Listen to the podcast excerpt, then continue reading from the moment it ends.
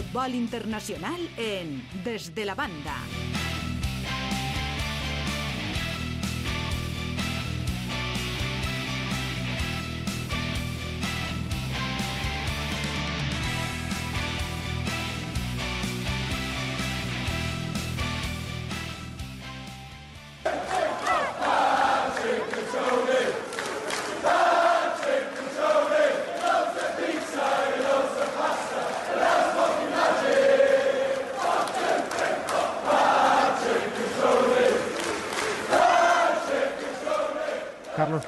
Tal? Bona nit. Bona nit. Estos càntics els has penjat tu en Twitter avui al llarg del dia. Què són?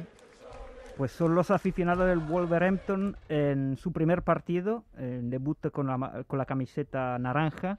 Y de verdad fue acogido. De Cutrone. Sí, sí, de Cutrone. Estamos hablando de Patrick Cutrone cuando fichó por el Wolverhampton por 18 millones de euros.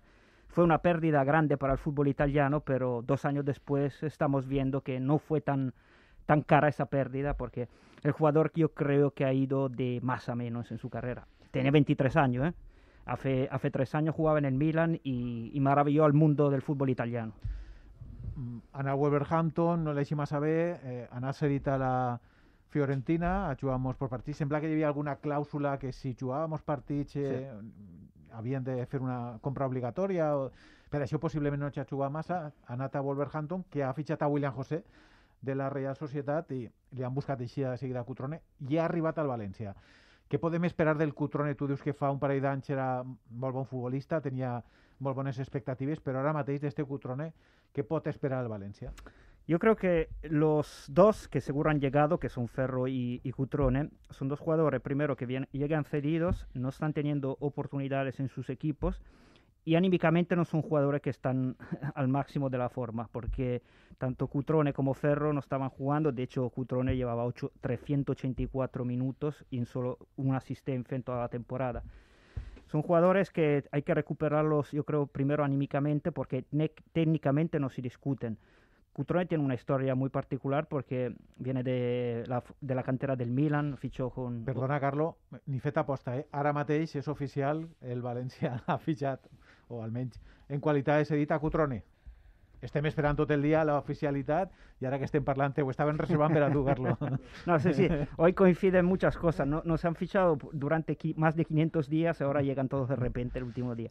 Pero estaba diciendo de Cutrone que es una historia muy bonita porque eh, llega al Milan con 8 años, eh, hace todas las categorías inferiores del Milan y de repente un verano de 2017, Montella, que aquel, aquel entrenador era el entrenador del 2017 en el Milan, se lo llevó para una gira en Estados Unidos y debutó contra el Bayern de Múnich, ni más ni menos, más bien era un amistoso, pero debutar contra un Bayern de Múnich, no lo conocía casi nadie, mete un doblete y de ahí empieza la historia de, de Cutrone en el Milan, porque acabó la temporada con 18 goles en su primera temporada en el Milan, de los cuales 10 solamente en la Serie A.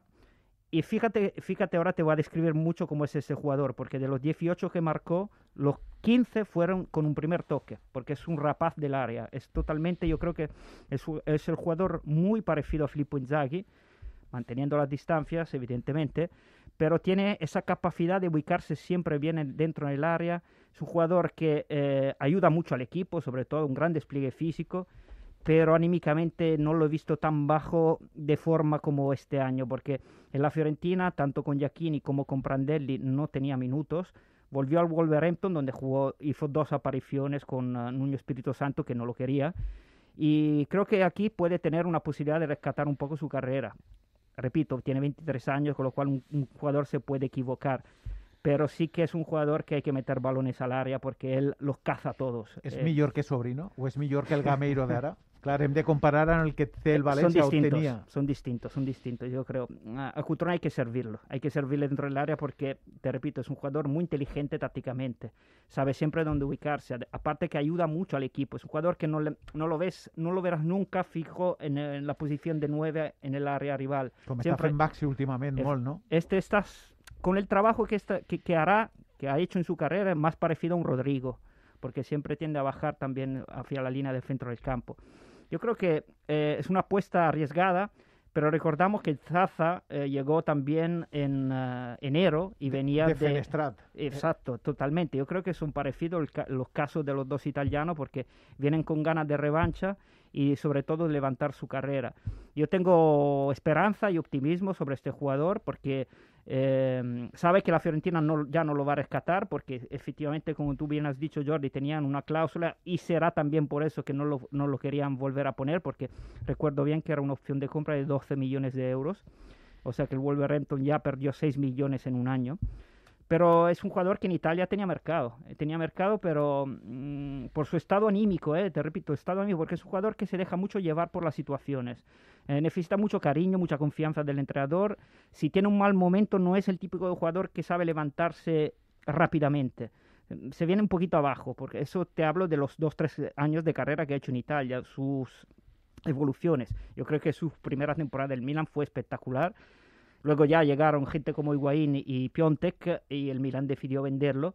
Y en aquella época eh, era un poco un, delito vender a un jugador con tanto talento, una promesa del fútbol italiano. Llegó a debutar con la selección italiana, porque eh, en un partido contra la Argentina, un amistoso que perdieron 2-0, pero tenía todas las papeletas para convertirse en el nuevo referencia de Italia. Anem a parlar d'un altre jugador que també arriba al València i una anècdota que connecta un jugador en l'altre quan ha posat el tuit en el compte del València, a Cutrone li han ficat la bandera de Portugal. L'han borrat, però clar, la gent ja saps com tots fem captura de seguida, eh, de, de, se han ficat en la bandera d'Itàlia, evidentment la bandera de Portugal és perquè de seguida van a presentar, o la tenen preparada per a demà, no sé quan serà exactament, a Ferro. Ferro, sí. El Ferro, Parlem de Ferro. El Ferro que ja, ja està aquí y viene de una misma dinámica que, que Cutrone, pero él sí que jugó un partido en, en enero. Ferro contra, central. Sí, es un central muy alto, muy, muy alto 1,92, pero es un central atípico porque es longilíneo, no es grandote físicamente. De hecho, él es, es un central más técnico. Yo recuerdo la época del Benfica, cuando sacaron esa famosa cantera eh, donde estaba Rubén Díaz, que ahora está en el Manchester City, está Getzo Fernández, que ahora está, está en el Tottenham, y estaba él. Y la pareja de centrales eran eh, Ferro y Rubén Díaz. Rubén Díaz era el que pegaba, mientras que Ferro era el que impostaba la, la, acción con el balón. O sea, técnicamente es un jugador que puedes contar con él para, para la salida de balón. Es Hugo Guillamón, pero más alto. Sí, mucho más alto. Eh, evidentemente en el juego aéreo mm, yo creo que va, va a tener mucha posibilidad de marcar goles en la, en la, la jugada a balón parado porque de, físicamente va muy bien. que a Hugo de Vegades, como es un poco más baixet, se sí. le recrimina, ¿no? Que no arriba. Sí, además es un jugador, como tú has dicho, que le gusta salir con el pie, con el balón en los pies. Eh, es un jugador bonito de verlo porque eh, técnicamente sí que va, va, a aportar mucho, sobre todo por cómo, cómo, quiere jugar Grafia, como quería jugar Grafia a principio de temporada saliendo con el balón desde la portería, prácticamente desde, desde Chaume. Eh, un buen fichaje, pero repito, habrá que recuperarlo también anímicamente. Él viene con ganas. Es del Benfica. El Benfica no va a poder poner opciones de compra porque confían en él.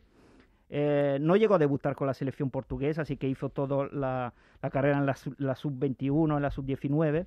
Pero el Benfica cuenta con este jugador, tanto que no le ha dado opciones de compra al Valencia porque lo quiere rescatar. Cutrone és davanter, no havia demanat per aquesta posició Javi Gracia un futbolista, li arriba possiblement per eh, eh, oportunitat de mercat, perquè no comptes en Sobrino, perquè Gameiro no està bé, sí que havia demanat central i mig centre, central ja hem parlat també de Ferro, i de mi centre se parlava molt de, eh, de Florentino, que sí. està perdent opcions perquè sembla que és massa car i que no vindria Pero Florentino es, de la, de la misma, es del mismo año que de esa cantera del Benfica donde sacaron a Rubén Díaz y a Ferro, porque Florentino Luis yo creo que es uno de los jugadores jóvenes más interesantes del fútbol europeo, aunque no está teniendo protagonista en el Mónaco. Pero, pero yo creo que escucharemos hablar de este medio centro defensivo és una de les perles de la cantera del Benfica. I un altre nom que està sonant molt, que tu l'has tret també en Twitter esta vesprada, és un uruguaià que també diuen que té molt bona pinta, clar, sí, a priori tots tenen bona pinta, a veure després com s'acoplen al futbol espanyol, eh, les prestacions que tenen, si venen en forma, la moral que dius tu i tal, és... Eh... Patrick Oliva, Cristian Oliva, perdó. Cristian Oliva, sí, uruguaià. Cristian. Cristiano Oliva viene, viene del Cagliari. Bueno, no está cerrado todavía, pero sí que el Valencia ya ha presentado una oferta, otra cesión sin obligaciones de compra. El Cagliari está esperando a buscar un sustituto y el tiempo se recorta cada vez que hablamos porque Cagliari sí que está buscando... Acaba de más per la nit, ¿no? El Sí, sí, sí, sí, pero, pero en Italia el, el mercado es, es un caos, es un caos más que en otros países porque que ahí así, se ¿no? vive, ahí se vive de mercado de fútbol.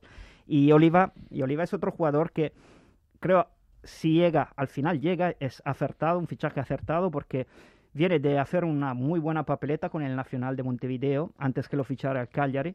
El Cagliari lo ficha hace dos años, lo pagaron solo, solo 5 millones de euros. Eh, hay que decir que esta temporada está jugando más que la anterior, porque la anterior eh, he llegado a contar que fueron eh, 643 minutos con dos goles y una asistencia, y lo que llevamos de temporada lleva 529 minutos con una asistencia. Es un medio centro defensivo, pero es el típico medio centro defensivo uruguayo, con garra, eh, con con- compromiso, tiene buena pegada, tiene un enorme despliegue, físicamente es increíble. No está jugando en el Cagliari porque el Cagliari juega con un 4-3-3 y ahí justo en el medio del campo, después de haber fichado a Nainggolan, tienen a Nández, el otro uruguayo, porque al Cagliari le gusta pescar en el mercado uruguayo. Eh, vendría con ganas, pero de los dos anteriores que te he comentado, este también habrá que recuperarlo anímicamente, porque vino, vino a Italia con la papeleta de un posible crack, porque así estaba en la final de Montevideo. Lo ficharon joven, con 22 años, hizo su experiencia, porque ahora con Di Francesco sí tiene más minutos, pero no se ha afianzado con la, po- la posición de titular. Fíjate que hoy jugó contra el Sassuolo, eh, Di Francesco lo puso titular casualmente el último día de mercado y jugó en una posición que nunca había ocupado anteriormente, un poco de regista, de regista en el campo y la- la supo hacer bien, porque a este jugador le puedes pedir eh, compromiso, esfuerzo, garra, pero también con los pies, con, con los balones entre los pies se, se da del tú a tú, eh, lo trata muy bien el balón este jugador. Y, y sobre todo, a diferencia de los otros dos, bueno, no habría problema con, con el idioma. eh, la Liga Española estaba detrás de él antes de fichajes con el Cagliari. Sé que habían equipos españoles que lo querían fichar. Eh, yo creo que va a cumplir una posición que aquí es como, mm, en Valencia es como agua en el desierto, o sea, porque después de Rachis ahí no tienen a nadie. Y creo que puede ocupar varias posiciones del centro del campo y por eso que su, eh, su polivalencia va a ser muy útil al, al Valencia. El comunicat del València sobre Cutrone diu el que ja sabíem, que s'ha arribat a un acord amb Wolverhampton per a la incorporació de Patrick Cutrone i que arriba a fins a final de la present temporada que començarà a entrenar amb els seus companys una vegada hagi superat els protocols anticovidana, eh, eh, PCRs, etc. O sigui que incorporació immediata i, i cedit com ja sabíem.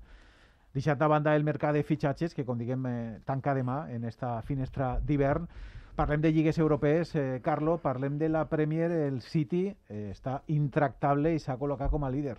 El City, City fue de menos a más.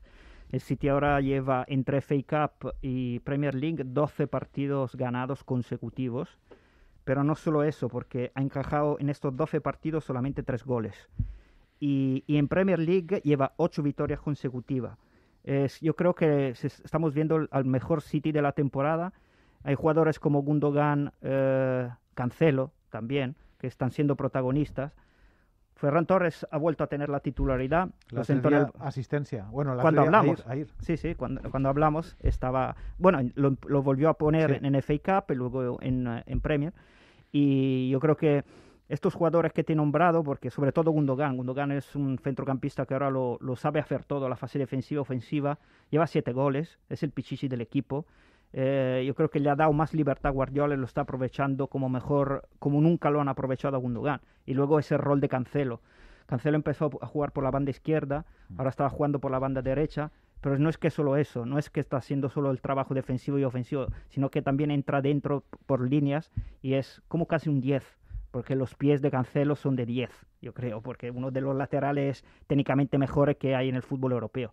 Así que este Manchester City ahora con un partido menos ya está mandando en la Premier y difícilmente le arrebatarán un posible título porque lo veo demasiado superior al resto de equipos, sobre todo defensivamente hablando, porque después del fichaje de Rubén Díaz sí que al final acertaron, se gastaron 68 millones, pero hizo barbaridades los años anteriores el City, con, por ejemplo, con Stones.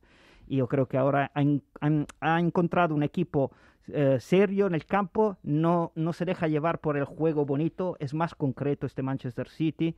Eh, y sobre todo se, se defiende muy bien, ha encajado solo 13 goles en la, en la Premier. Está detrás es eh, el United. Pero está perdiendo gas, ¿eh? Sí, no, el United tiene buena delantera, pero encaja demasiados goles. El United, fíjate que esta semana perdió en casa contra el último de la tabla, que no ganaba en Old Trafford desde el 1973. Estamos hablando de pocas cosas. Este Manchester United ahora está siendo muy irregular y se está aprovechando el Liverpool, que ahora Liverpool viene de dos eh, victorias a domicilio consecutivas. La de hoy ha sido solvente, con un gran Salah que se pone pichichi con 15 goles. Y este Liverpool ahora sí que está volviendo a la senda de antes, con ese juego vertical. Está recuperando Alexander, Alexander el lateral derecho. Salah vuelve a marcar goles. Eh, está todo bien ahora en casa Liverpool. Eh, yo creo que ahora va tercero el Liverpool, pero, pero recuperando estos jugadores y a Firmino sobre todo, porque cuando estaba Diego Jota jugaba más el portugués, pero ahora Firmino vuelve, vuelve a, conectar con sus compañeros a la Mané y ahora el Liverpool sí que va a entrar otra vez en la lucha, aunque yo veo bastante más favorito el City esta temporada. Fran Lampard ya no es entrenador del, Una Chelsea, es un símbolo del Chelsea. Semblaba que sería entrenador pero per a una década prácticamente, pero en este Chelsea eso de la banqueta no lo tenemos claro. Eh? Sí, no, el balance final ha sido que ha disputado con el Chelsea 84 partidos, 44 dentro del cual ha, ganado 44 partidos y 17 derrotas. Pero ¿qué, le, qué se le achaca a él este año? que su propietario Abramovich se ha gastado 247 millones. El que, me, el que me ha gastado, ¿no? Sí, sí, sí, totalmente, por seis jugadores. Y estos seis jugadores no están dando rendimiento.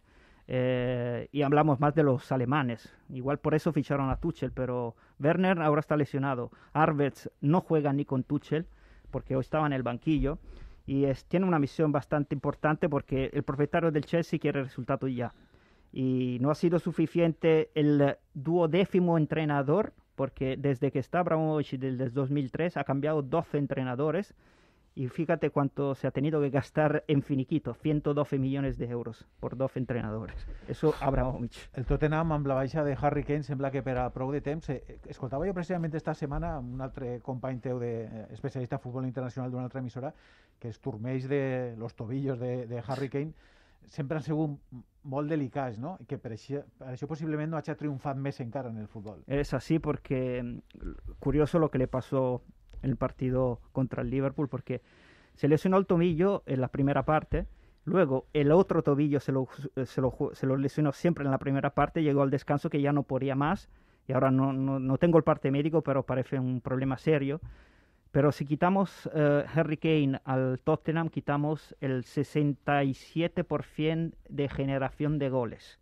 Es decir, no no es que marca, sino es que dona. Exacto, exacto. luego, luego por eso que yo luego te diré un poco las parejas de las cuatro principales ligas más goles han marcado, pero Henry Kane no solo marca goles, sino que hace asistencias, e, lleva 11 asistencias y ahora esta pérdida para el Tottenham va a ser fundamental porque eh, este equipo sin él no es no es el mismo, su uh, compañero delantera que son no es el mismo sin Kane.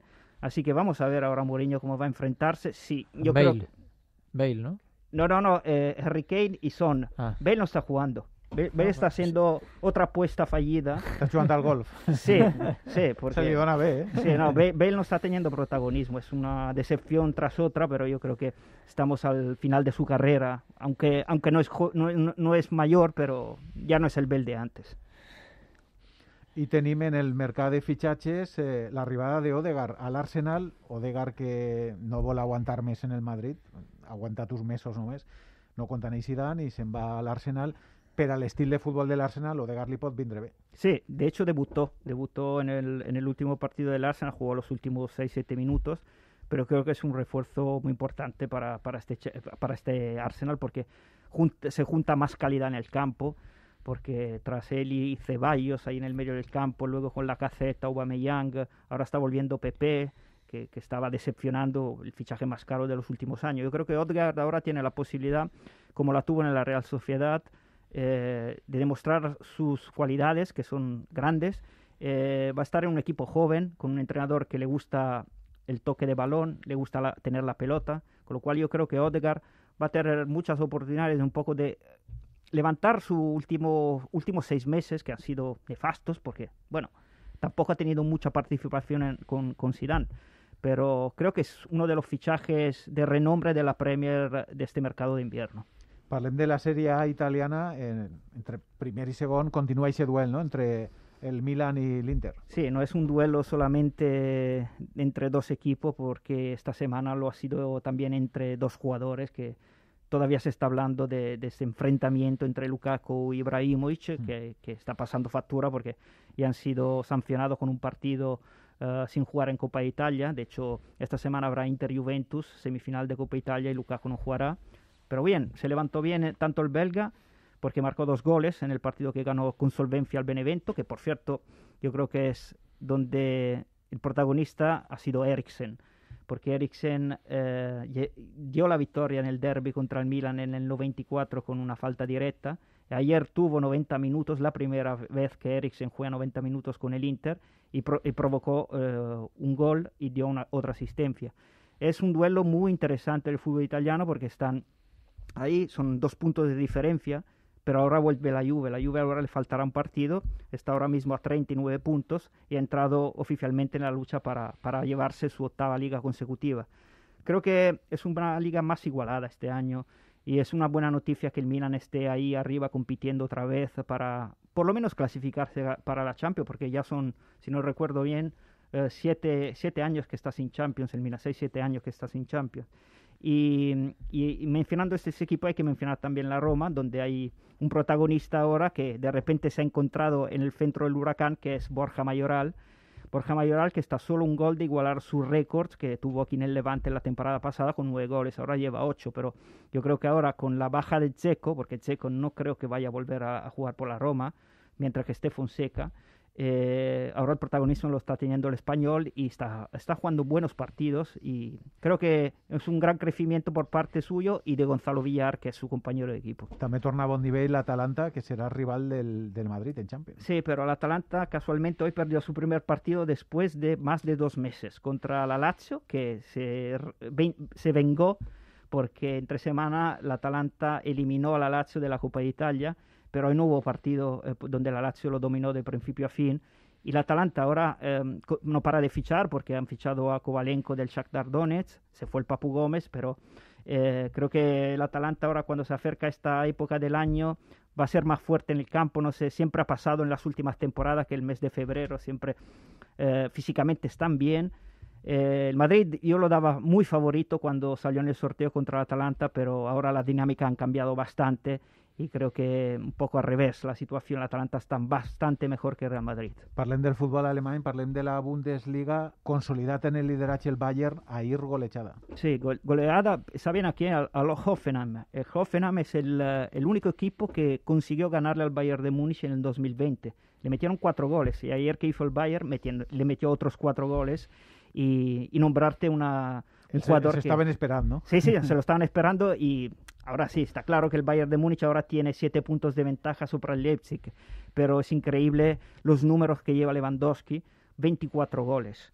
No hay ningún jugador pichichi de las grandes ligas europeas que lleve tantos goles como él. Pero no es que solo eso, porque ahora su socio, que es eh, Müller, ahora está en racha porque lleva cuatro goles en los últimos cuatro partidos. O sea que con esta pareja delantera yo creo que el Bayern no va a tener rivales y nunca los ha tenido en los últimos años y, son buenas noticias porque además, además le ganó al Hoffenheim donde, que entrena el nieto del presidente del Bayern, O sea que fue, se fue una venganza al 100% por parte de los, de los eh, bavarios. Y el Leipzig continúa a buen nivel. El Leipzig, el Leipzig continúa a un buen nivel. Todavía no ha debutado Sobolsai, que fue el gran fichaje que venía del otro equipo de la Red Bull, que es el Salzburgo. Pero, pero creo que es el equipo que está dando más la talla respecto a otros más importantes como el Borussia Dortmund.